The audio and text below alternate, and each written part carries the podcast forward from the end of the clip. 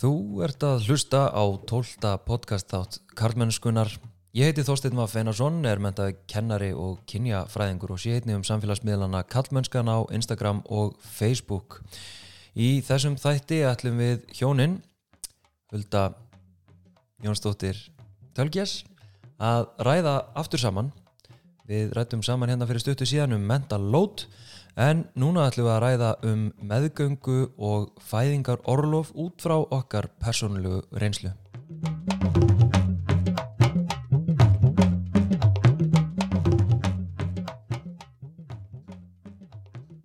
Jæja, Hulda, hvað þú þá? Erum við byrjuð? Við erum bara byrjuð. Ok. Hvernig ertu þið? Ég er bara ágætt.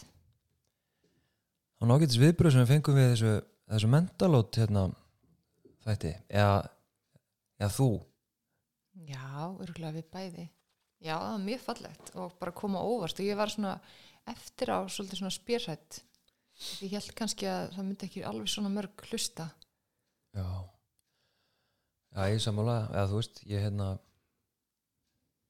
ég er náttúrulega bara, var doldið svona að gefa einsinn inn í mína skitu og Ég var að halda því áfram hér í kvöld. Já, ég held að það verði ekkert hjá því komist sko að hérna, ég fái smá skyttu en, en við ætlum að tala um sko meðgöngu og, og fæðingarólofið og svona okkar reynslu af þessu og, og hvernig við dílum við þetta og já, hvað við gerum vel og hvað við gerum illa og við sjáum bara hvert þetta fer.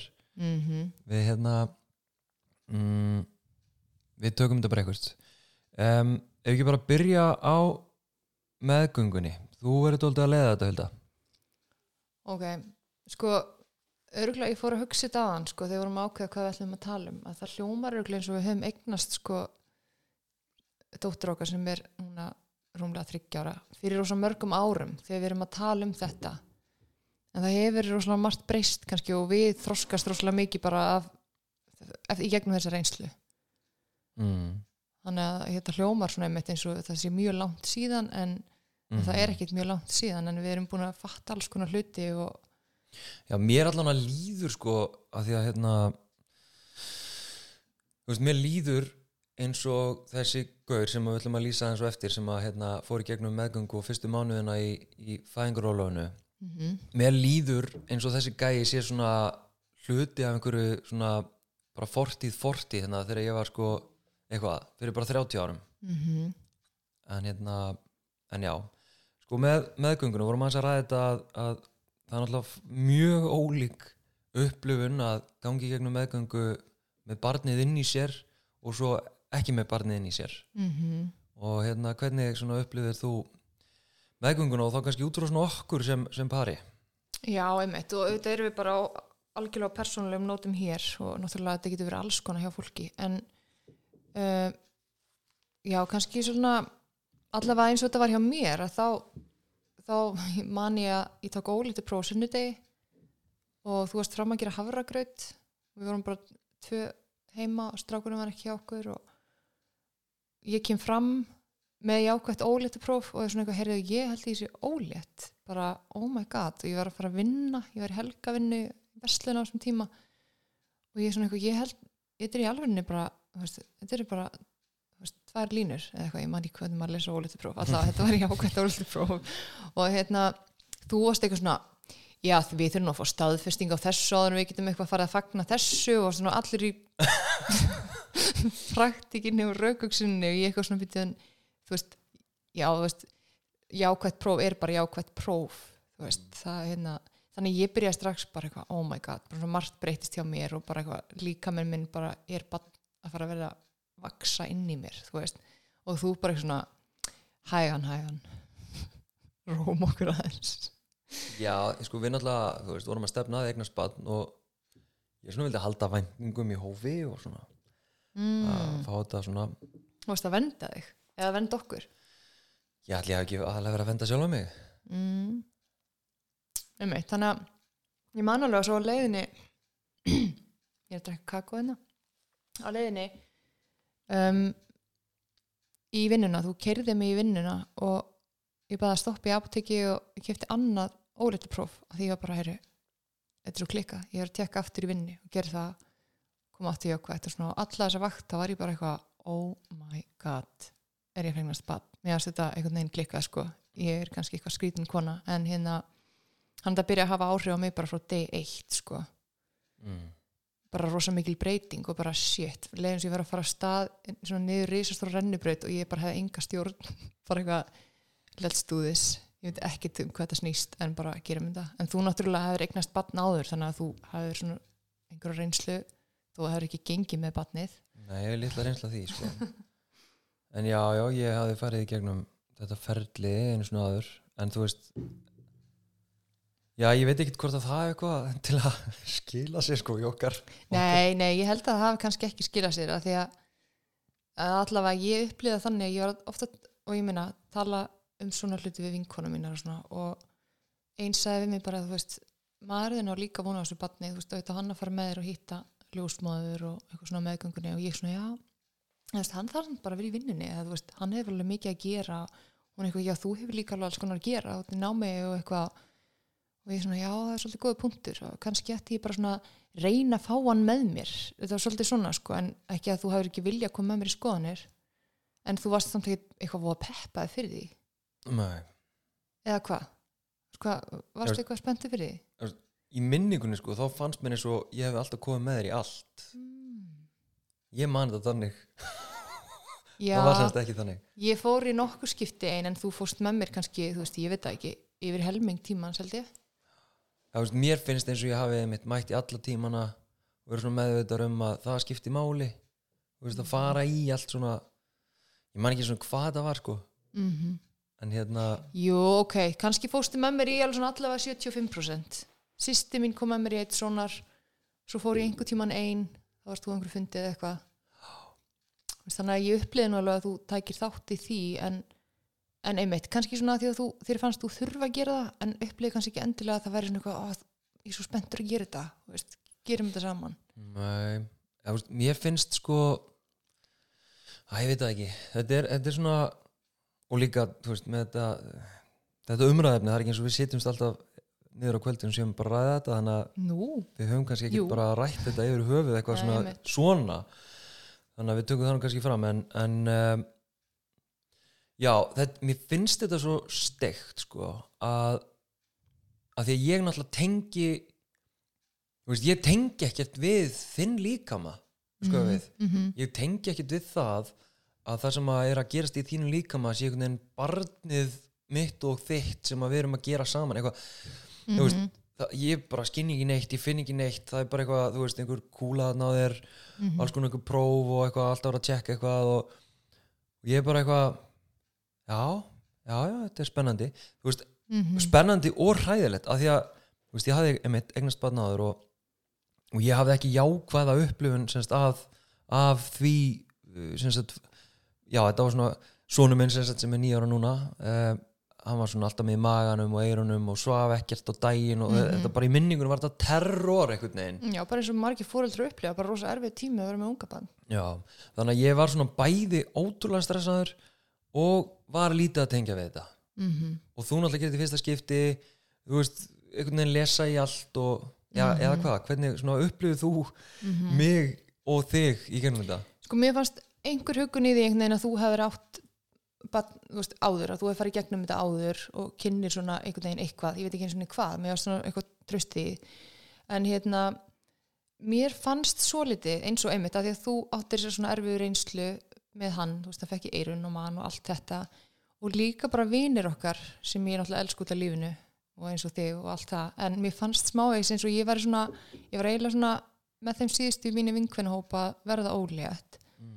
Og eignuði svona, já, ég eignaðist bara svona eila síðust af svona mínum nánustu vinkonum. Og mér fannst smá eins og svona fólk var að svona spilla gleðinni fyrir mér á meðgöngunni því að ég var svona eitthvað, ó, það verður svo gaman og þú veist, og mamma mín tala alltaf um hvað var æðislegt að vera með okkur sýsturnar litlar og eitthvað svona, og það er allir bara já, þetta er ólétt, býttu bara. Hérna, sofðu á meðan þú getur það. Og svona, og ég var alltaf bara eitthvað, já, ok, og svo bara, já þetta er þetta er miklu erfæra heldur en þú heldur. Og eitthvað svona segja eitthvað svona að þú veist ekkert hvað þú ert að fara út í. Og ég var svona svolítið mið mín að því að ég bara eini peppar minn var mamma mín veist, sem átti börn fyrir þú veist 30 árum já, og ég var bara, er þetta svona er þetta svona hræðilegt, er hræðilegt að eignast barn, hugsaði ég sko því að mér fannst bara margi jafnaldra okkar vera bara velkomin í þennan heim. Nú byrjar þetta þú veist, og ég bara, oh my god. Þannig að ég var alveg pín stressu bara já, hvað væri að fara að gerast sko, því að fólk svona eiginlega það er eins og að fá eitthvað út því að svona hræða mann smá. Og ég skila samt líka alveg sjálf núna því að þegar einhver verður ólíkt í fyrst sinni þá var ég bara svona, oh my god úf, já við förum inn í það betur. mikið. Förum inn í það, en, en sko ef að þú veist að því ég er fólk, konur einstaklingar sem að hérna, ég er svona að velta fyrir mig bara sem að eru hafa gengið gegnum þetta uh, eða mögulega er að fara að gangi gegnum þetta. Mhm. er eitthvað svona sem að já, því finnst mikilvægt er eitthvað sem að þú hefði viljað heyra þegar þú varst að gangi gegnum þessa meðgöngu sem þú hafðir aldrei heyrt eða fjekst ekki að heyra eða, mm, ég veit ekki hvort það hefði verið hægt að segja eitthvað til þess að undirbúa mig fyrir bara það sem kom á skildi en náttúrulega þetta var ekkit auðvelt hjá okkur veist, þetta, var, þetta var ekkit auðveldu tími eftir að hún fættist þegar hún var unga barn kannski ég las einhverstaðar ég veit ekki, ég las einhverstaðar svona there's tired and then there's mom tired. Mm, og ég tengi svo við þetta eftir á sko. Mm. en ég hefði aldrei getað skilið það og sko ég var, já, Já, þannig að þú hefði viljað fá að vita um, á meðgöngunni hvernig það er það tala um það? Já, að þú veist þú verður búin á því, þú verður buguð, þú veist, þú átt eftir að vera með nótt með veikt barn og bara ósofin og ógisla þreytt og lítil í þér og þú veist, þá máttu ringi í mig, skilur, eða þá máttu heyri í mér eða bjóta mér í heimsókn, tölum um þetta. En þú veist, ég einhvern veginn upplýði svolítið í fæðing, fæðingarólu að ég væri svona svolítið, svolítið einangruð og þegar ég var kannski þegar ég hef þurft kannski að ringi vinkonu mína eða einhvern svona sem ég treysti sem, sem þekkti þetta þá var ég bara of buguð til að ringi einhvern. Á meðgöngunni? nei, þegar ég var búin að eignast hana. skilur, ég hefði viljað vita kannski þú verður búin á því. Já, ég skilu þig. Þú veist, og þá getur þú heyrt í mér og ég skil hvað þetta meina. Þú veist, eitthvað þannig. Já, já, en ég, ég samt veit ekki hvort ég hefði skilið það þegar ég var á ólétt skilur en mér finnst svona einhvern veginn ég held að væri miklu meir svona ljómi yfir því að vera ólétt en það er þetta mín upplifin þú veist, jú, mér fannst alveg gaman að vera með bumbu og svona, en mér fannst svo mikið svona just you wait þú far aldrei að sofa út aftur og ég bara, byrju, ha? Er þetta eitthvað svindl? Er, er einhver að, trykka minni eitthvað en það mm. það var svona mín upplifun. Svona eins og það væri ég veit hvernig bumba stækka og stækkaði og fólk eitthvað svona ég get ekki að líst í betur sko. Mér fannst það svolítið svona ókvíkjandi já. Já, já, og nú hefur þú eignast barn og þú veist, mitt dóttur okkar er þú veist, tryggja háls eða eitthvað og, eða rúmlega þryggjara og mm -hmm. þannig að þú svona skilur aðeins hvað hvað fólk var að meina. Mm þú veist, það er ekki Einmitt. það er ekki hægt að ímynda sér hérna hvað segja þreytuna, álægið áreitið vinnuna, þú veist við það að eiga mm. svona ungt barn Mhm. og reyna að læra bæð á barnið og sjálf, sjálf okkur og þú veist, þetta er þetta er náttúrulega, þetta er bara fucking algjörlega hellað stöf sko Einmitt. og ég meina mér finnst geggja því ég heyri að ég heyri að reyndar aldrei þetta sé ekki hellast þetta sé auðvelt að þetta er ég veit ekki, er þetta auðvelt fyrir einhvern? Er auðvelt fyrir einhvern að vera fóreldri, ég veit það ekki veist, auðvitað er það indislegt og, og frábært og gefandi og það er bara, það er geggjað.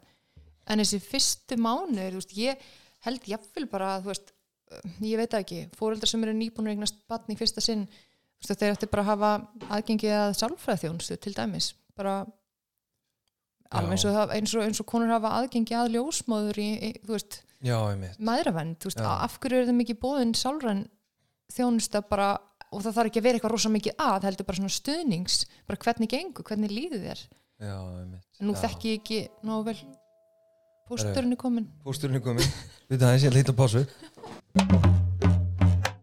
Já, smá tröflun, pósturinn er farin Hvað var þetta, Hulda? þetta var bók sem ég er að panta á Amazon. Geggju mm. Ok, næs Herri, þú varst að tala um uh, stuðningin já, hvað vorum við að tala um, um uh, Það var ekki ekki að hafa hérna sálfræði, þú veist, aðgengja sálfræðingi. Já, einmitt, að því að við erum að læra einmitt, við erum að læra svo ótrúlega margt nýtt. Við erum að stíga inn í splunkunni í hlutverk við erum að stíga inn í hlutverk sem er 24-7 mm. þú veist, þú ert alltaf með ábyrða batniðinu og þetta getur bara verið rosalega mikil uh, viðbriði. Og ég meina ef þetta er þannig að þú veist, batnið sefur, lítið er órótt og það er eitthvað, þú veist, eitthvað trublaða sem er náttúrulega mjög oft að það er ekkert grín, það er ekkert grín að sofa ekki, að kvílast ekki. Já. þetta rosalega, getur verið rosalega mikil álagspunktur og bara já, þessi hópur fóreldrahópur þarf bara oft held í meiri stuðning heldur en fólk fær. Eða kannski gerir fólk sér ekki grein fyrir því að það þarf eða það var ekki gott að fá smá stuðning Já, ég, núna er ég bara, sko, fyrir hugurum inn í, í hérna, þessi skildubundnu, sko, námskeið og veist, það sem var mælt með að við myndum gera sem verðandi fóreldrar. einmitt Og hérna, ég fóru, fóru, voru ekki tvö námskeið, mm eitthvað svona almenn fræðsla um fóreldrar hlutverkið. Nei, við fórum á brjóstakjánámskeið og fæðinganámskeið Ah, var bara það. mm -hmm. Var síðan eitthvað fóreldrarnámskeið sem við fórum þá ekki á, eða? Ég held að þeim farið á allt sem að einhvern veginn var svona mælt með, svona hálgir skilda, en allavega Mm -hmm.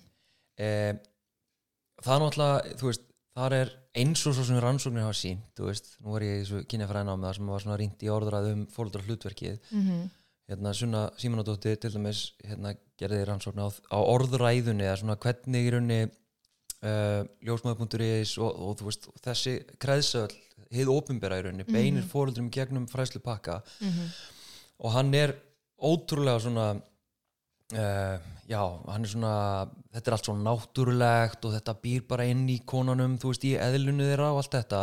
Og ótrúlega svona, þetta á bara að vera ekkert mál og bara flæða og vera fallegt og allt þetta rosa krútlegt eitthvað. Um, ok þú veist, fínt bara segja það, en, en það hlutverk sko til dæmis bara mín að að nú erum við í heterosambandi hérna, ég kallu kona og, og mitt hlutverk í gegnum þetta allt sem var bara stuðningur, þú veist, ég er einhvern veginn svona einmitt, eh, þegar barni kemur í heiminn þá er ég bara að sinna einhvern veginn eh, gestunum og Ég höll upp á kaffi. Já, eitthvað svona skilur, það er einhvern veginn skilabón sem ég man allan eftir að hafa fengið og, og þú veist, það var alltaf svona hamrað á því. Vertu til staður og stuttu þig, eða veist, ég átt að styðja þig við að framkvæma hérna umönnun á barninu það er svona dálítið sem að ég tek út úr þessu og, og rannsóknir sína líka. Svona alltaf líka sína sínir þessi rannsókn og rannsóknir fleiri já, íslenska rannsóknir á þessu hversu ótrúlega svona heteronormatíft þetta er, þú veist, alltaf gerst ráð fyrir kall og konu Mhm. ekkert eitthvað fjölbreyttari hérna sambúðaformum eða en eitt annað, þú veist, það er líka annað. En við erum hérna að tala um okkar einslu og, og þetta er semst upplöfunin síðan hérna eignustu þetta badn og við erum þetta saman heima fyrstu tvær vikunar var það ekki, eða þrjár vikur Já, svona tvær, þrjár vikur. Já, tvær, þrjár vikur. Reyða það upp. Já, sko kannski líka bara að fara inn á þú veist að, að þú ættir svo mikið að vera til staðar í fæðingunni. Já, við glæ, gleymum kannski Við- fæðingunni. Við gleymum kannski fæðingunni sko og það allavega fyrir, fyrir minn part sko þá er það, það minnsta af öllu við eignast barn er að fæða barnið. Það tekur nokkra klukkutíma nokkra daga í það mesta. Þú veist að hérna, það er bara eitthvað svona eitt verkefni. Já, og svo tekur við allt, sam, allt hitt. Veist, þannig að það er svolítið svona eitthvað, já, nú er pappin henni til staðar og konan er svo mikil hetja og hún er svo sterk og flott og hún fætti barnið, ok. Og líka kannski sem ég held gæti verið mikilvægt fyrir konur sem er að hlusta, ég veit það ekki, ég ætla alltaf að segja, uh, að þegar síðan hún fættist þarna eftir ég var búin að vera rempast í næstu þrjá klukkutíma, þetta var eitthvað orða hrikalegt að undir endan. Já þú var svolítið í glaðloftinu. Ég var doldi í glæðaloftinu, ég glemdi mér aðeins í því, þetta var svona, já, þetta var svona eins og þetta var. Hérna, Hún sem sagt, ég veit ekki, ég klippa það brút en hérna, það var svona þú veist, hún var sem sagt komin með útvikun og mátti fara að fæða rembast sko. Og hérna, henni fannst alltaf næs að vera í glaðloftinu þannig að eitt skipti þá hérna, já, eitt skipti, nokkuð skipti þá segir ljósmarinn Huld, Hulda mín, þú mátt aðeins sleppa glaðloftinu núna. Að það var svona hálfbart að rífa glaðloftið af henni. En já, já, einmitt, þetta hljómar eins og ég sé eitthvað svona rosa svona, eitthvað fíkil, sko, en ég er svona manneski sem allar fæ mér glas, en þetta var, þetta var náttúrulega bara dásamlegt á þessum tímapunkti, ég var hann svo ógist að þreytt, að bara, ég, ég vildi eiginlega bara smá býða með að eignast þetta bann, Já, í fæðingunni sem er mjög steikt að segja en sem kannski sýnir að konum líður alls konar. Og ég hugsaði bara svona, já, ekki alveg stress ég er bara að fá smá pásu, ég er að fá smá pásu frá þessum verkjum, ég ætla að vera aðeins í þessu glæðulofti hérna og hérna bara aðeins að ná andanum. En svo var það bara, ég misti náttúrulega allt tímaskinn. Já, þannig að ég bara ég verð bara hér aðeins lengur og svo var það bara kannski klukkutími eða eitthvað, en allavega þá, þá fæðist hún þarna og bara gengur svo sem bara vel. En þegar ég fekk hann í fangi þá var ég ekki bara eitthvað himnarnir opnuðist ekki og þú veist það var ekki bara mm. mest að hafa mikið stund lífsmeins þó ég elski bara dóttir mín náttúrulega og, þú veist, já, þú börnin. elskar hana Já, þú veist Svo tökum það fram nákvæmlega, þegar það, einmitt það segir ekkit um það sko en það eru svo ótrúlega marga konur sem að ég held að haldi að þetta eigi að vera svona ástuð fyrstu sín þetta eigi að vera geggjað, þetta eigi að vera flugveldar og bara einhver hamingju sem, sem rignir yfir þig. En ég til dæmis bara fekk hana á mann og náttúrulega mér var létt, þetta var búið. En það var ennþá verið að þú veist sauma mig og uh, þú veist ég veist í meiri deyfingu og þetta var ekkit voðalega næs. Nei. en hérna ég man, ég hugsaði bara mér langar svo að leggja mig. Ég er svo þreytt, mm. svo er ég eitthvað guð ég var að vera mamma hérna, bara, hérna er, en, en má, ég, má ég leggja mig? Þú veist, ég, ég hef ekkert mátt einhvern veginn leggja mig því þarna var ég bara mamma og ég þurfti að bara vera til star og reyna að láta reyna á brjóstið og eitthvað svona og bara oh fuck, þú veist þannig að bara það var svolítið svona já, skrítið moment af því ég held einhvern veginn að það er svo marga konur sem segja bara að þetta var bara besta, besta og auðvitað því ég lítið baka þá er þetta bara geggjaði dagur. Mm. þú veist svo þakklátt fyrir hvað gekk vel og að fá hann í heiminu auðvitað geggjað Ég mitt mann hérna og það verður ekki komið fram en, en fyrir mig þú veist, ég náttúrulega get ekki hérna, þú veist, ég var þarna í mitt pepparinn og eitthvað að reyna að gera eitthvað gagn og mm -hmm. eitthvað hérna í þessum potti að reyna að nuttaði baki sem var bara viðbjóður og, og hérna og eitthvað, alltaf að reyna að lesa bara eitthvað, þú veist, hvað á ég að gera hérna og náttúrulega ótrúlega vanmáttugur þú veist, horfi bara þig þarna frá þú veist, ég man ekki, bara frá modninum er það ekki?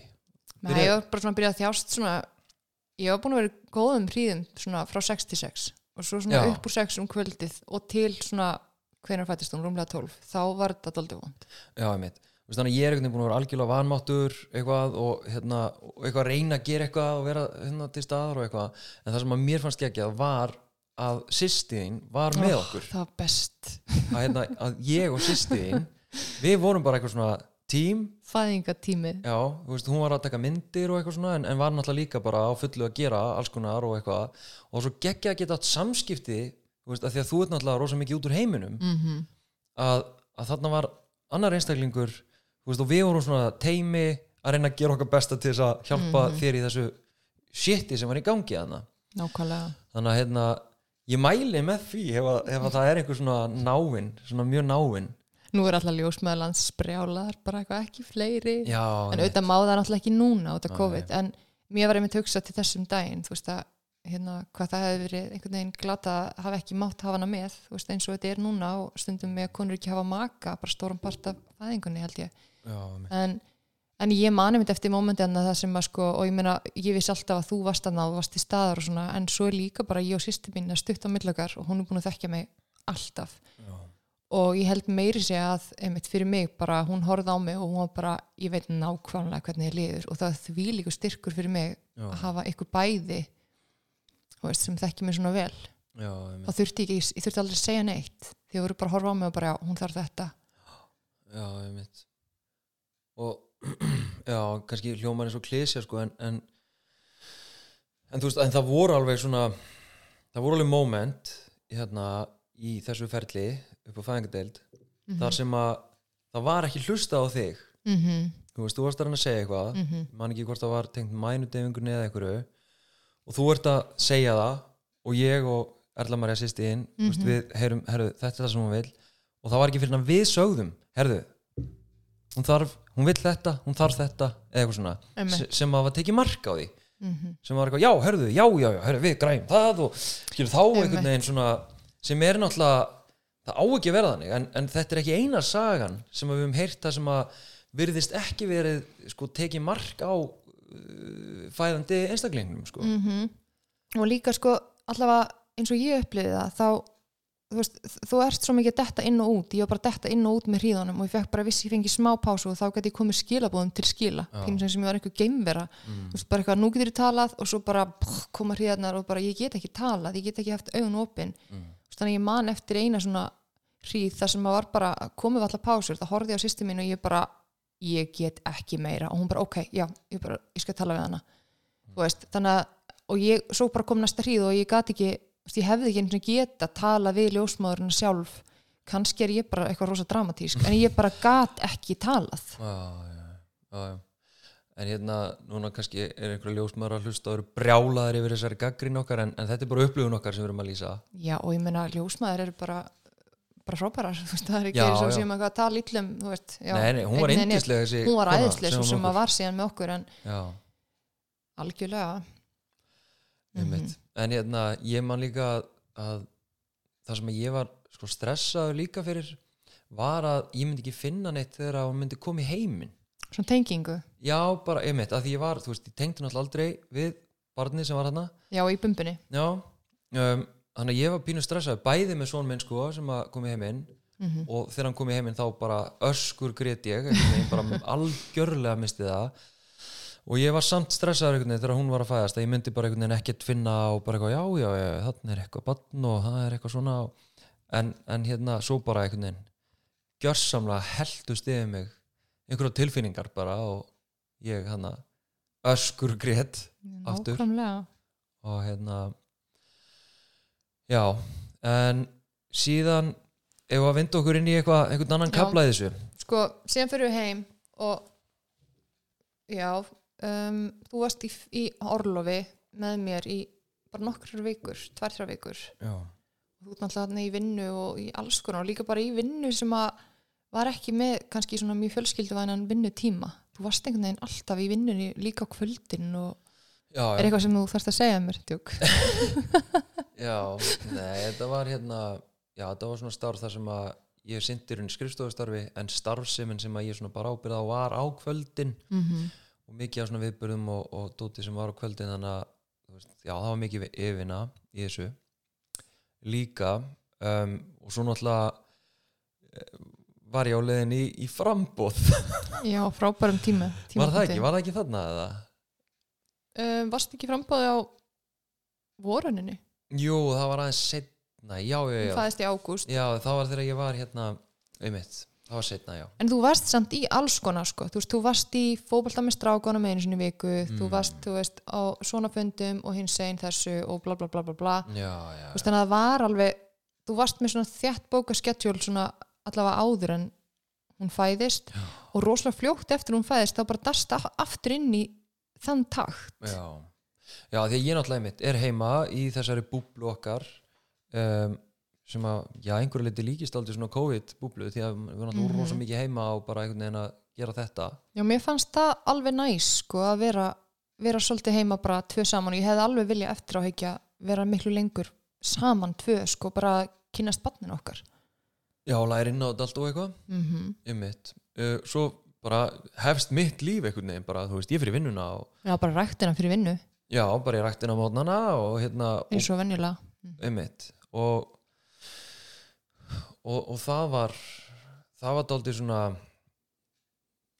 já það sem að jók heldur betur hægt og bítandi uh, álaðið á þér og, og hérna og dró ansi vel á þig Já, og mér fannst sko að því ég hefði líka ekki gert þetta aður og líka bara, þú veist, ég held að ég hafi verið svolítið svona ég misti rosalega mikið blóð í fæðingunni ég held ég hafi þurft sko tíma til þess að bara náttúrulega brjóstakjöfum gekk mjög illa fyrst, veist, og bara þetta var, þetta var ekki, ekki næs, það var ekki næs fyrst þannig að ég þurfti einhvern veginn líka bara svolítið að ná mér, mm. veist, bara ná aftur upp í jafni líkamannum, þú veist, eftir að það blætti svona, ég var bara hvít í framann í marga daga, þú veist, og bara með háan, hérna, nei, með þungan hérslátt og eitthvað svona, þannig að ég þurfti líka bara einhvern veginn að jafna mig, en eftir á hyggja finnst mér ég hafa verið svolítið steikt að hafa verið svona, já, já, svo fyrir hann bara í ræktina, svo fyrir hann bara í vinnuna, svo þarf hann bara líka að vinna í kvöld og ég tek þetta bara, þú veist, ég rand bara svona algjörlega blind í sjóun með þetta, bara eitthvað svona, já, ég get þetta, þú veist, Mm. og svo hugsaði líka svona til allra kvennana sem hafa gert þetta. Ég svona, já, svona og örgla bara að gera þetta. Þú veist, konur eru bara mömmur þegar það eru búin að eignast börn og þær geta séð um heimili og börn og ég á ekki að vera að væla. Ég mitt við svona snertum aðeins á þessu í mentalótinu að hérna hversu ignorant uh, ég var og bara einhvern veginn þú veist, þú varst að reyna að segja mér sko, ég er algjörlega buguð, ég er búin á því þú veist, getur aðeins hérna svona aðeins eftir að ég var farin að vinna þú veist, þegar að komið aðeins inn í, inn í veturinn sko, hún fæðist þannig ágúst. Og ég eitthvað svona og, veist, og líka meira þess að þú veist, þegar ég hugsa tilbaka að auðvitað hefði ég getað einhvern veginn tekið meira markaður og hlusta á það sem varst að segja og, og ég náttúrulega sá að það varst döið og uppgefin og allt þetta. En á sama tíma er ég náttúrulega þú veist, með alls konar ábyrð og skildur og eitthvað sem tengist á vinnunni. -hmm. þannig að ég man alveg að ég var í svona dilemmu þú veist hvenar þarf ég og, og, þarf, já, og verð ég og get ég sko fórnað mér eitthvað staðar þú veist. Uh, að því að, að þetta er ekki svona klift á skorið sko að því ég held að kannski oftar pappar um, eða einstaklingur sem að byrjar ekki að vera heima með badni skilur er lendi í þessari dilemmu. Að hérna, vilja standa sér í vinnunni vilja veginn um, sinna sér, þú veist, í ræktinni og, og, og hvað sem það er sko. Veist, man, veist, þetta var alveg flókið fyrir mig, einhvern veginn svona já, ok, að því að núna sé ég alveg og hefði náttúrulega vilja bara já, ok, staðan er þessi ég þarf upp á þína geðhelsu mm sérstaklega upp á þína geðhelsu -hmm. og bara hérna uh, í þessu hlutverki að veist, það á einhvern veginn að ganga fyrir öllu sko, svona eftir áhyggja en þannig er ég bara í svona praktískri dilemmu með einhvern veginn svona sjálfsmyndina mína, ímyndina mína í vinnunni og allt þetta. Þannig einhvern veginn, já, ég kemur sér ekki almennilega í orð sko, hvað Já. ég var einhvern veginn að díla við á sama tíma og þú ert að díla við bara einhverja algjör að hakka vel með barnið og heimilið og, og allt þetta. Einmitt, en ég held einmitt, ég heyri svona þú ert að segja, þú veist, þú vissir ekki alveg einmitt hvaða slag þú ættir að taka. Þú veist, hvað þú ættir að fórna þér eins og þú sagðir, bara sjálfur. Mm. hvað er ég að fórna mér og veist, og, og kannski svona, meina, er þetta viðvarandi ástand, ég meina, hversu lengi verður hún svona þreytt, ég myndi ekki bara lagast á næstu mánu en svo var þetta bara þannig, hún drakk bara þrísvar allar nætur veist, þannig að ég, ég svaf ekki bara heila nótt í marga mánuði. Mm. Sem að fer bara svona virkilega að einhvern veginn tósa mann niður og maður verður bara þú veist, ég var bara algjörlega algjörlega buguð Þú veist, það, það er ekki, það er ekki leyndamál já, já. Og, og, og, og þú veist og líka bara þetta dæmi sko sem þú rifjar upp einhvern sem ég hafði ekki sett í samingi sko að, að ég held að vara með líf mitt og einhvern veginn fer inn í rútinu sem ég var í sem var að mæti ræktar kl. 6 á mótnana mjög oft og þú veist það hljómar eins og ég sé bara fáviti sko þegar ég er að rifja þetta upp. En ég held þetta gæti verið svona mörgum heimilum. Ég veit það samt ekki. Já, að ég sagt, ég hugsa bara hún er í fæðingarálfi hún er að sjá um badnið, hún gefur brjóst. Ok, ég þarf að sofa, ég er að fara í vinnuna og ég er að fara í rektina þannig að, já, veist, þetta er ekki einu sinni fyndið, þetta er eiginlega bara sorglegt að hérna, að ég setji mig eyrnatappa á nóttunni mm -hmm. til þess að fá frið til þess að geta sofið. Það geggja á vikuna hér. Af því ég var náttúrulega mjög pyrr út í þig en ég var líka svolítið svona bara já, þú veist, auðvitað verður hann að sofa. Út af því, ég, ég hugsaði líka bara ok, ég var búin að vera í námi þarna í mörg ár, var ný útskrifið þegar ég egnaðist hana. Mm -hmm. uh, það er ekkert mikill peningur sem að kona færa mánuði í einhverju námsstyrk þetta er við hundra á skalla eitthvað. Uh, þú veist, þannig að hérna ég var líka bara ok, hann er bara í góðu öryggu starfi, þetta er öryggið okkar veist, þetta er svona eitthvað típisk klísi kallmaðurinn að vinna fyrir heimilinu og konan heima eitthvað að rugga batninu einhvern ruggustól og gefa brjóst þú veist. Um, já, þú veist, þannig að ég var líka bara hann er að taka þetta á sig veist, hann er að borga reikningan og borga matinn. En þetta er samt, eftir á hyggja þá er þetta, veist, ég veit ekki hvar er, alltaf sé sex mánuður sem að, veist, er bara algjört svona óvissu ástand þú veist, þú veist, ég er svona að reyna að rekna það út að til þess að miðla einhverju reynslu sko, að þessari beturu reynslu okkar með þetta já, að hérna, þú veist, þannig er ég í vinnu vissulega að eftir á hyggja þá hefði ég alveg geta, þú veist, þess vegna ég, veist, í mínu tilki þá hefði ég ekkert sérstaklega mikið þurft að útskýra held ég fyrir mínum yfirmanni þú veist, aðstöðuna sem við vorum í með nýfætt batn og svona, ég meina þá var hann yfirmaður minn var tvekja þryggja banna mamma og skilur hafði farið gegnum þetta þannig að hún Mhm. hefði skilið álæðið það, það sem ég er að reyna að segja er að ég hefði alveg geta aðeins dreigið úr uh, tekið meiri þunga með þér Já. skipt einhvern veginn, þú veist, nóttunum þessum virkum dögum, þú veist, ég hef getað hægt fyrir vinnunni, þú veist, það er alls konar minni áttar hliðrani sem ég hefði getað gert, alveg 100% og ég bara, ég fullir það að lang flestir ég ætla að tala um feður þessu, veist, Já, við erum að tala um okkar, mm geti gert eitthvað til þess að um, ég bara sinna sínu hlutverki af því að sko að koma barni í heiminn og, og sinna barni er ekki á ábyrð engöngu eins aðila. Þetta, þetta er oft já, í, aftur, ég, ég fer alltaf í eitthvað svona inklusív en, en veist, við tölum bara um kall og konu pappa, mömmu Mhm. að hérna eins og okkar einslega er að, að feður. Eru stundum að fela sig líka á bakvið þá ábyrð sem þið gegna annar staðar. Já, já. Eins og ég gerði bara. Algjörlega og kannski er auðvelt að gera það þegar þú veist ekki til hvers þér ætlast heim, heima hjá þér af þér. Já, lesa ekki í aðstæður og bara tek ekki mark á þér heldur sko, af því að, þú veist, eins og ég sagði hérna síðast að þú veist, þú ert heima þarna allan daginn og ég meina, hvað er vandamáli ég meina, þú legguðu með hérna, henni og þú veist, ég, ég bara ég gat ekki skilið þetta því ég gat ekki sett mér í þessu spóra því ég hef aldrei verið þarna. Raunverulega.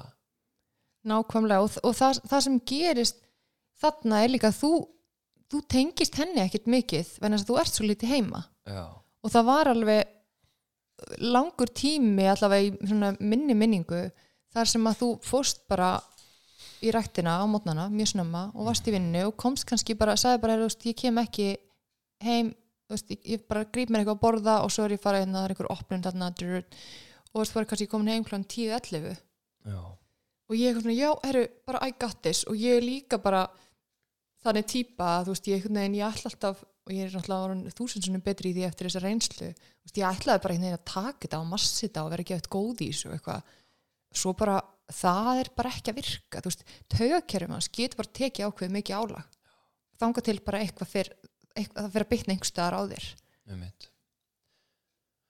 Algjörlega. Og það kom að þeim tíðanbúndi algjörlega þar sem ég var bara gjörsamlega búin á því. Og líka þú veist þitt líf hjælt áfram. Þú fóst í vinnuna og þú férst í kaffi með vinnufélagum þínum, þú talar við annað fullar fólk. Ég var bara mikið heima. Veginn lífið heldur áfram hjá öllum öðrum. Allir er bara í vinnuna. Mm. og ég er bara svona, hm, ok. Mamma kom í kaffi, það er enda bara bjargaði bara bjargaði með því lítið að mamma kom oft í kaffi sko og það besta sem hún gerði var elska mig, vilt ekki fara í langa styrtu og ég skal taka litlun á meðan eða vilt ekki skreppi bíltúr? Og ég bara, veist, fór í styrtu og fór í krónuna og það var bara nákvæmlega það sem ég þurfti. Þú veist, það kannski bara meikaði í daginn og leið bara frekar vel. Einmitt. að ég fekk pínulítin bríðar, það var einhver með mér í þessu. En mér fannst sko einmitt, þú, þú gast sest niður án þess að þurfa að vera að sinna einhverjum hver einstu mínútu og fengið þér hátegismat fengið þér kaffi, spjallað aðeins bara svona pínu me time á hverjum degi.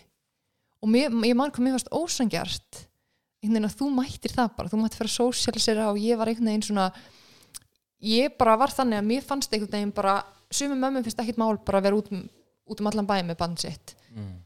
þegar það er svona lítið. Og þú veist, það var vetur þarna uh, ég allavega, kannski var það að því ég var bara alltaf ósofin eða eitthvað, mér fannst bara meitjur mál að klæða hana, klæða mig þú veist, mér fannst hún einhvern veginn hún var bara svona, mjög svona svangt batn, þungt batn og, og þú veist, hún vildi alltaf vera að drekka. Þannig að ég var alltaf bara einhvern veginn með lekandi brjóst. Ég var hann kósveitt. Ég var líka að tala um það í síðasta podcasti hvað er alltaf sveitt, það hljóma mjög illa. En þetta bara fylgir eignast, eignast börn. Þú veist að vera með lítið batn einhvern veginn vera með hann fjandans rísa bílstól uh, vagn og þetta stikki og allt þetta veist, mér fannst bara mjög mikið mál að fara ein eitthvað að strolla í kringluna með hana. Ég var gjörsamlega búin eftir það. Og mér fannst það ekki næs. Nei. Nei. en mér langaði alveg að gera meira af því en ég bara ég, já. Ég var bara svolítið einangruð í þessu orlofi og fannst mjög skrítið hvað við vorum að lifa sitt hvort lífinu. Ég var bara einhvern veginn heima hugsa um barn, þó þóttin veist, elda, drekka kallt kaffi borða mat svona með annari á meðan ég svona leik við hana með hinni. Ætlaði að lesa fullt af bókum og gera eitthvað næs en ég bara komst ekki við neitt nema að halda heimilinu gangandi sko, fötunum okkar reynum sko. Einmitt. og síðan hérna mm, spólum við aðeins áfram og og við náttúrulega að því að þetta náttúrulega veist þetta, þetta álag og þessi streyta og, og hérna náttúrulega bitnar á okkar samskiptum og okkar sambandi. Algjörlega, og, og hérna og við svona áttum okkur á því að við þurfum að einhvern veginn að vinna úr þessu og, og fáum okkur, leitum okkur aðstóðar förum í fáum ráðgjöf. Hjá besta pararákjaf í heimi. Já, hún er, hún er geggjuð hérna ekki, náttúrulega ekki með nefna nafna því að það var annars er ég allir fara til hennar. Já, nei, ok.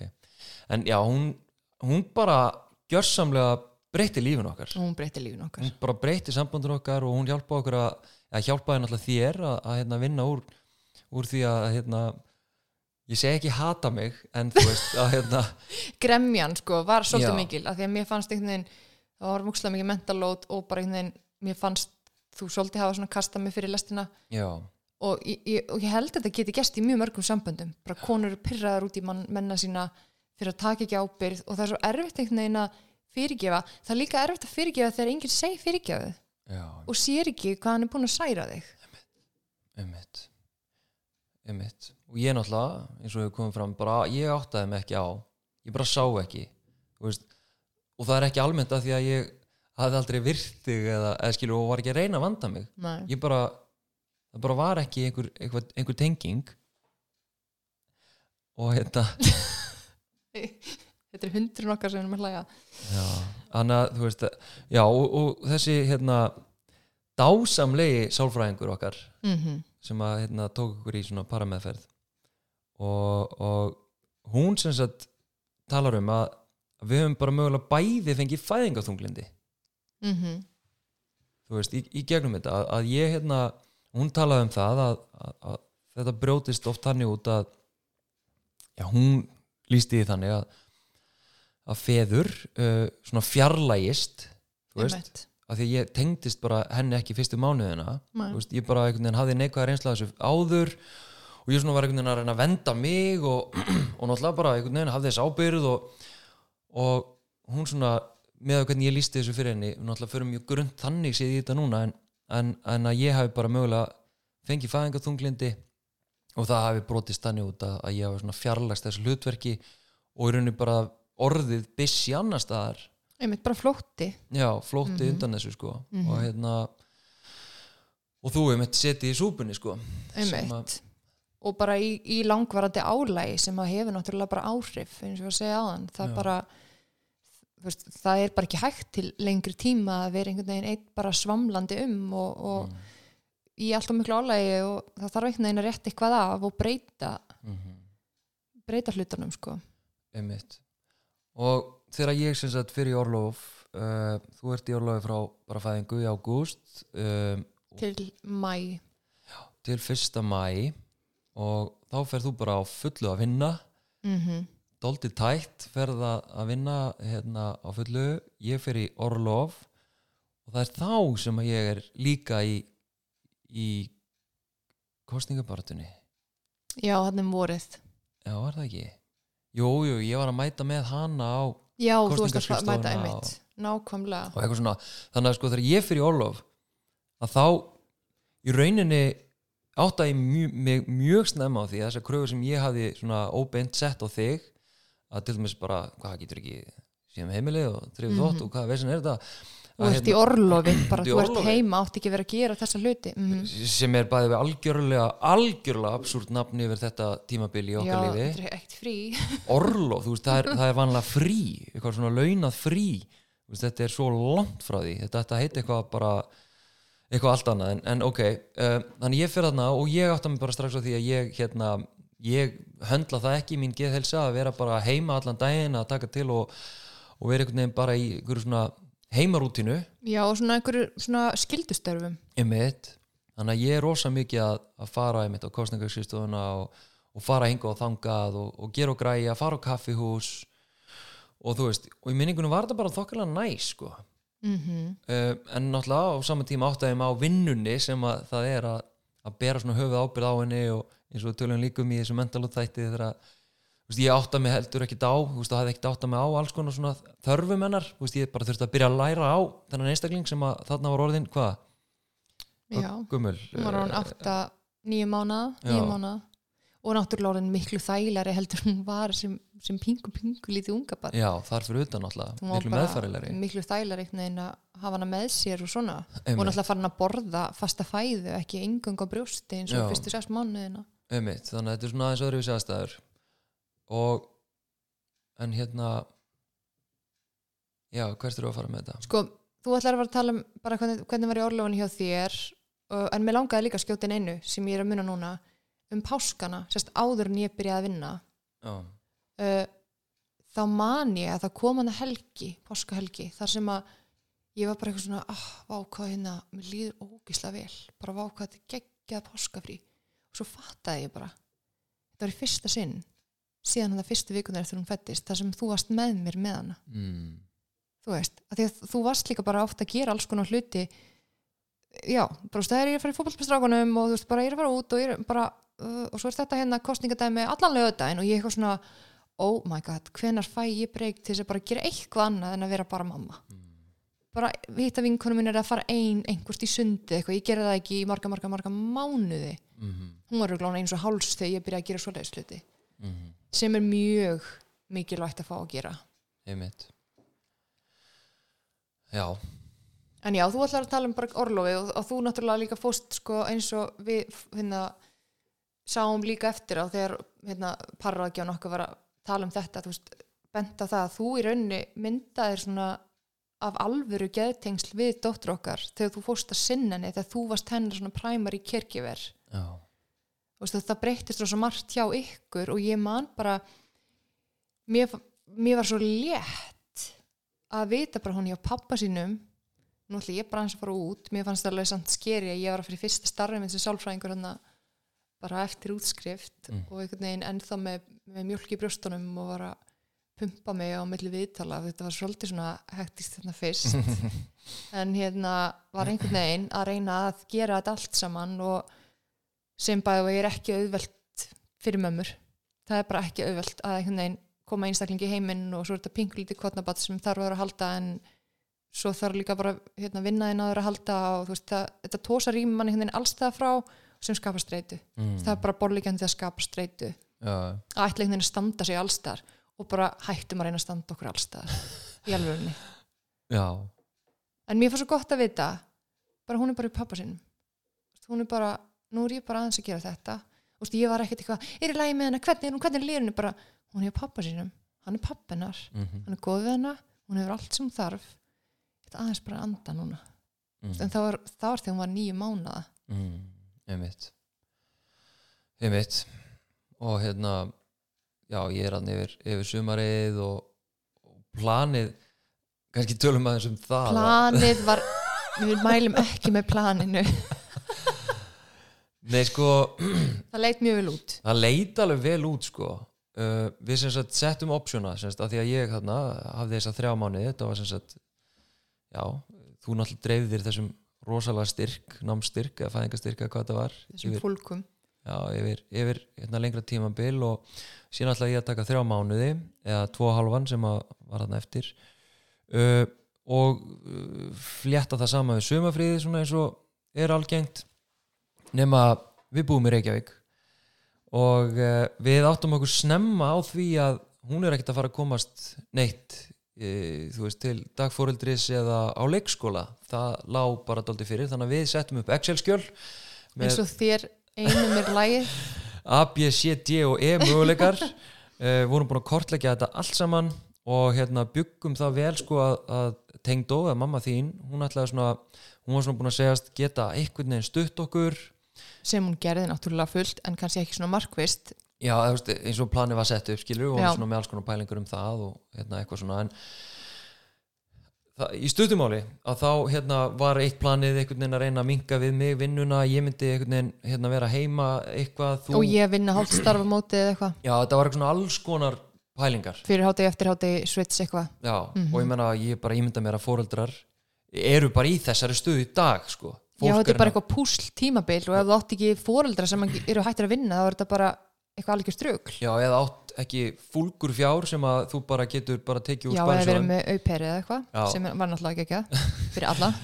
Þú veist, þannig að þetta er, þetta er algjörlega fáránlegt að bæði hvað fæðingarólofur er stutt yfir höfuð, það þyrfti að vera svona þrjú ár og hérna og svo þyrfti leikskóli að taka við eða eitthvað annað kerfi. Já, það er að vera samfella í þessu. Já, sem að það er bara alls ekki það er bara göti í þessu.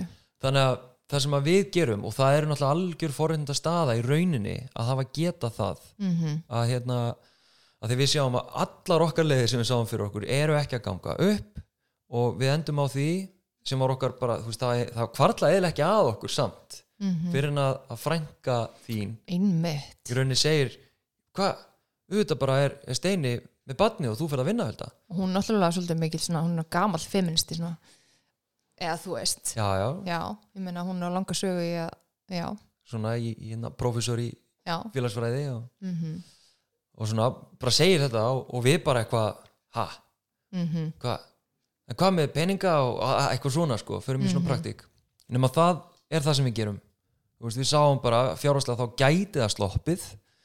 Við byggum bara það vel um, og, og ég sem sagt fer í launalöst foreldra orlof ég var að vinna hjá Reykjavíkuborg og það er svona eitthvað apparat sem heitir launalöst foreldra orlof þannig að ég er í held starfinu mínu held bara áfram í fæðingar orlofi uh, og fæ, þetta eru ég minnir þetta hafi verið sex vikur frekar en tólf vikur sem að þetta var option, Æ, ég manna það ekki alveg. Mhm. en allavega í millitíðinu að þá að þá ákvað ég bara að segja upp starfinu mínu og hérna og fara og, og bara gera eitthvað annað. Mm -hmm. finna út úr því Ég langaði náttúrulega að fara í nám og því, þannig, þannig að og ég er búið með mitt þannig að það lá, svona við að þú myndir bæta einhverju við þig því þið langaði það. Já, einmitt.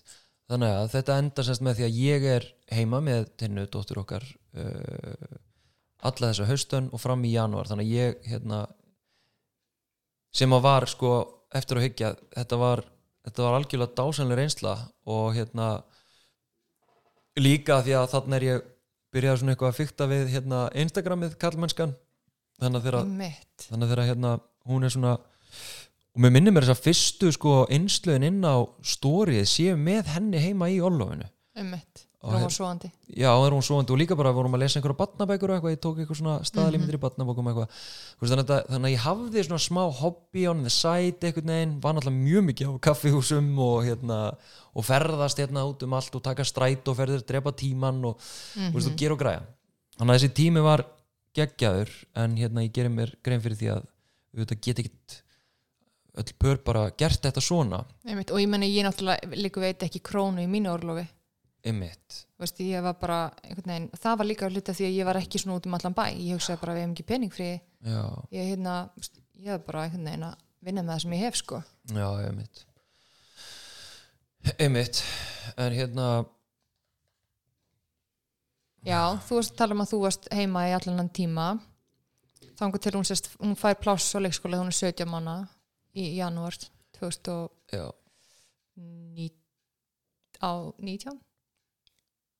Já, Já, 2019 mann ekki ár sko. Já, ég byrjaði á 2018 mm og, og ég vil eiginlega meina að þú veist einmitt, eins og þú sagðir aðan sko, þar byrjaði ég í þessu orlofi náttúrulega, þú veist, frá því að í mæ þá byrjaði ég svona að tengjast henn og læra inn á hana og, og Nákvæmlega. taka sko þessa ábyrð -hmm. þessa, þessa hérna, Svona primary ábyrðina einhvern veginn, svona hún þarf þetta. Já, þegar hún bara- gerir svona þá vill hún svona já, og, þetta föður hlutur sko veist, ekki föður hlutur sem fyrirvinna. Nákvæmlega allt annars eðlis. Já, þetta er allt annað og hérna og það er bara mjög dýrmætt reynsla svona fyrir mig eftir að hyggja að, hérna, og bara ég hugsa einhvern veginn til þessa tíma svona með líhug Já, þetta er náttúrulega indislegt fyrir ykkur að tengjast og þarna upplifði ég mitt og það var kannski hluti af sem létti. Ég upplifði bara okkur, nú kann hann líka á hana já, nú er ég ekki svo eina sem veit bara hvernig barnið okkar virkar. Mm, veist að því að mér fannst þú líka oft bara fjarrætt þú veist, þegar þú komst heim úr vinnunni já, þú veist, að svara póstum en þá í símanum og eitthvað svona, þú veist, og ég er svona þú veist, alltaf að sinna alls konar hlutum en líka alltaf henni, þú veist, hún kom fyrst og allt þetta, þannig að það var svo mikið léttir að finna bara okkur, hann veit hvað hún þarf núna, eða hann veit að hún þarf að fara í bað það er ekki bara ég sem veit að hún þarf að fara í bað og eitthvað heyri steinin ennir að baða hana.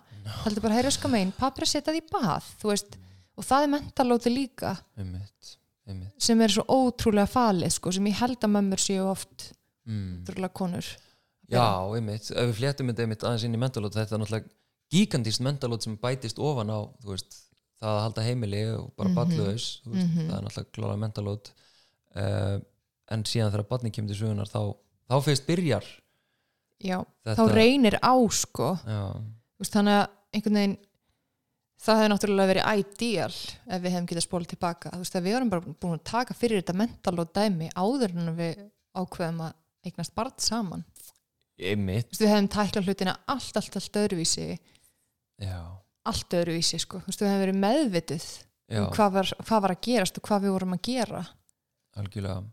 Já, 100% En líka, þú veist, ef við tökum að því nú er mjög heitt pólitískt mál það er fæðingarólofið og skipting fæðingarólofs og hérna það sést að lengja, ef að þið vitið ekki að hérna, lengja það úr nýju mánuðum í tólf mánuði og það er svona miklar umræður búin að vera núna sístu mánuði uh, hvernig skiptingin á að vera þú veist að hérna, frumvarpi gerir á fyrir 6 og 6 með einu mánuði til skiptana og það er svona ákveðin hópur sem að bara finnst það algjörlega fáranlegt mörgum finnst bara þegar hérna, hafa þetta algjörlega frjáls og treysta fórhundur til að gera þetta mm um, og við höfum svona við höfum nú lítið rætt þetta. Samt á leiðin til hver að gera sem daginn. Þá rættu við þetta en við náðum, sko, ég er náttúrulega ég tryggjara svolítið í þessar umræðu eins og við vorum að tala um. Já, og þar líka svona töldu við okkur allavega að hafa komist svolítið að því að það er ekkert skrítið að konur tryggjarist í þessar umræðu. Það er ekki skrítið. Og, og, og það sem gerist allavega hjá mér þetta verður svo persónulegt. Já, já. Þú veist að hérna já en þetta var svona hjá mér og við fyrir að taka inn í þú veist svona anecdotal evidence svona þú veist eh, svona persónulegar sögur. Já. Þú ég skil alveg heildar konseptið og út frá feminismanum og svona, einhverjum svona stórum kerfisbreytingum sem, sem þarf að gera. En þarna fannst mér einhvern veginn svona það gaus upp einhver svona einhver svona óþólandi brjóstagjafa gyðja innra með mér að, og ég er ekki einhver svona að predika þú veist að konur er að gefa brjóst en, en mér fannst svo indislegt að geta það og mér langaði það svo og mér fannst það skipt svo miklu máli fyrir mig. Það Já. gaf mér svo mikið. Og þess vegna bara fæ ég bara svona mér langar helst ekki tala um þetta mér er svolítið óþægilegt já, þannig ég, ég skil alls konar hliðar á þessu. Einmitt. Og hérna, og ég er náttúrulega einhvern veginn, veist, úr kynjafræði náminu og inn í svona þessari svolítið svona kreðsu og, og ég ætla nú ekki að segja að ég hafi eitthvað haft mig mikið frammi í þessari umræðu uh, og ég veit ekki hvort að við getum eitthvað endilega farið inn í umræðuna en, en þú veist, þetta er í gangi þessi umræða og og hérna ég veit ekki hvernig við maður farið inn í þetta við sko. verðum, að við verðum að taka þetta í öðrum þætti sko, að þetta er svo þetta er svo ótrúlega heitt og þetta er svo politíst við nennum ekki að vera eitthvað fórsið divaf á morgun fyrir að hafa verið eitthvað svona í ruglunu Nei, nei, þú veist, við erum ekkert í ruglun en það sem er svo áhört við þessa umræðu ég, þú veist, ég get sagt það þannig það sem er ótrúlega áhört við þessa umræðu um hérna, lengingu fæðingarólofs er að hún gengur ekki eins og mörg málefni svona að þetta er pólitískt mál, þetta gengur ekki á flokkslínur og þetta gengur ekki á svona feminist að segja og ekki feminist að segja svona, skilur við nákvæmlega, þetta er bara, það er fullt af feministum sem eru brjálaðir yfir því að, að, hérna, að það eigi veist ekki já, taka af móðurinn innan gæsalappa þú veist, að fæðandi einstaklingi já, þú veist, þessa mánuði skilur þannig að það er það sem að mér er svo brjálæslega áhugavert og, og, og ég bara er ekki nógu mikið að mér inn í, inn í sko, fræðanum með þessu. En, en ég tek allan að marka á okkar svona færustu sérfræðingum sem hafa verið að rannsaka þetta og, og þær, þetta er aðalega þær en þó nokkur hérna líka hérna kallkins fræðimenn sem að segja að það skipti öllu máli að eyrnamerkja sem, sem jafnast. Semst að báðir foreldrar eh, taki og eigi eyrnamert eins mikið orlof og sé eins lítið í rauninni til skiptana og mögulegt er. Er, út á það er rauninni ganga þessu anstæðu sjóna með að einn, getur sagt, hópurinn vil eyrnamerkja feðrum já, sex mánuði og annar hópurinn e, talar svo sem ekki fyrir því að þetta er alltaf að vera frjálst heldur meira að þú veist, ég heyri svona kannski fjóri, fjóri, fjórir sem að myndi þá enda 8-4 já, já, því konunni og maðurum oftast með hærri laun og Já. allt þetta. En þarna langar með bætin ég þekki þetta bæði ekki ég vil og þú, ég er ekki mikið inn í svona pólitískum hlutum. En sko ef að þetta væri langur tími langur og góður tími þá finnst mér allt í lægi að bara eyrnamerkja fóreldra, hér far þú og hér far þú. Þú veist, en þetta er svo stuttur tími. Já, en, en það er, sko, við viljum ekki að fara í eitthvað reyfirildi Nei, en ef það væri bara tvö ár skilur við, bara Já. fóreldrar getur bara eins og ég veit ekki svíþjóðangstar, þá er þetta bara geggja, þá færðu rými til þess að kynnast nýja einmitt. og vera til stað fyrir það. en það nefnilega, þú veist, og umræðan einmitt hefur dálítið farið út í það að, fæðingaróli sé á stutt og eitthvað svona en bara, það, það snýst ekkit um það núna þú veist, núna er bara það er bara, það er bara að lengja þetta um þrjá manni það, ég held að við sem öll saman um það að fæðingaróli ætti að vera lengra. Ég veit að þetta er Og- skref. þú veist, og ef við ætlum ekki að, að, að fokka upp fæðingarólfskerfin okkar og bara hverfa aftur hérna til 92 já, að þá þurfum við að lengja þennan eyrnumerta tíma vegna áhrifana sem þetta hefur. Og ég veit, þú veist, ég bara ég heyri svona krauma bæri í þér og, og öðrum sem að mögulega er að hlusta og eru ánari skoðun, en hérna ég var að fara að rífast. Já, fara að rífast. í, í podcastinu. Nei, nei, en þú veist, ég ætlaði svo sem ekkert eitthvað að fara beint inn í þetta. En, en svona, ef við bara færum okkur tilbaka inn í okkar persónulegu reynslu og hérna hvernig hefði þú hefur þú viljað haga þessu öðruvísi út frá svona fæðingarólofinu bara? Já, sko ef að við myndum eignast annað barn svo við tölum nú bara um svona lífsins mál hér. Mm. sko, ef, ok, ef við ættum að gera þetta aftur uh, ég myndi vilja vera heima í minnst ár. Af því að ég myndi bara vilja gefa mér þann tíma. 12 mánuði? Já. mm. 12 mánuði, absolutt, myndi ég vilja vera með batninu mínu, það er bara mín persónulega löngun og skoðun, þú veist ekki það að mömmur eigi að gera eitt neitt, alls ekki. En ég hefði viljað gera það uh, ég hefði viljað geta, ef ég myndi geta gefið brjóst sem að mér fannst bara indislegt að geta, bara algjör fórustund er ekki allar konur sem að geta það eða náttúrulega kjósa það. Mm. því að passa mig að fara að valega hérna, hérna um, mér fannst það indislegt mér fannst ótrúlega erfitt að vera einhvern veginn svona veist að mér fannst gaman að fara út að vinna mér fannst spennandi og allt það. En líka með minn var sko að því að ég ákvaða að vera ennþá að gefa brjóst, ég ákvaða að hætta ekki þarna þegar hún var nýjum mánuða uh, þannig að líka með mér var alltaf bara manstu, manstu þú ert Mm. lítið bad, manstu, það er tilbúið mjölkin það er hún komin Já. þannig að ég var svona torn þú veist, ég var svona, ah, ég er hér en mér langar pínu að vera hér og það er bara finnst mér besta og styrsta skilgreiningin og streitu ég er hér en mér langar að vera hér Já. eða ég er hér og ég ætti að vera þar Já, já. þú veist, þannig að já, Þannig að þú hefur, hefðir vilja vera heima í 12 mánuði bara í fulli fæðingarólofi já og ég hefði viljað að við hefðum verið saman heima í einhverju mánuði líka Já. fyrstu mánuðina, Einmitt. absolutt. Meina, og ég tek undir það, veist, ég hefði líka vera hérna svona líka að fengja nokkar reynslu. Mhm. þá held ég að það hefði verið mjög gaglegt ef að ég hefði verið heima með þér í þrjá mánuði, geggjað, eitthvað já, svo leiðis það og svo hefði ég alls ekki viljað missa af þessum tíma sem ég átti einn með henni Nei, einmitt, það var líka aðeinslegt já, þannig að ég hefði viljað að fæðingarólofi mitt hefði verið kannski svona 9 til 12 mánuði líka.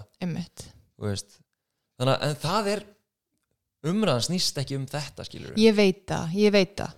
Að að ef við tölum út frá okkar reynslu hvað ég hefði viljað, bara ef ég tala ekkit út frá pólitík, þá hefði ég viljað hafa þetta svona. Við hefðum getað verið heima í þrjá mánuði þá eru við komið sex mánuði tótal. Mhm. þú hefði viljað síðan halda áfram. Veist, í rauninni, ég menna, væri samt ekki bara ideal ef við værum bara saman í tól mánuði? Hefði það ekki bara verið snild bara bæði heima í heilt ár jafnvel eitt og hálft ár þá er þetta komið upp í hvað marga mánuði? Ég meina, er þetta ekki svo leys í Svíþjóð? Þú veist, er þetta ekki tvö ár? Ég veit það ekki. Er, þú veist, ef við bara setjum það, bæði með 18 mánuði 18 pluss 18 eru 36 að hérna það ekki?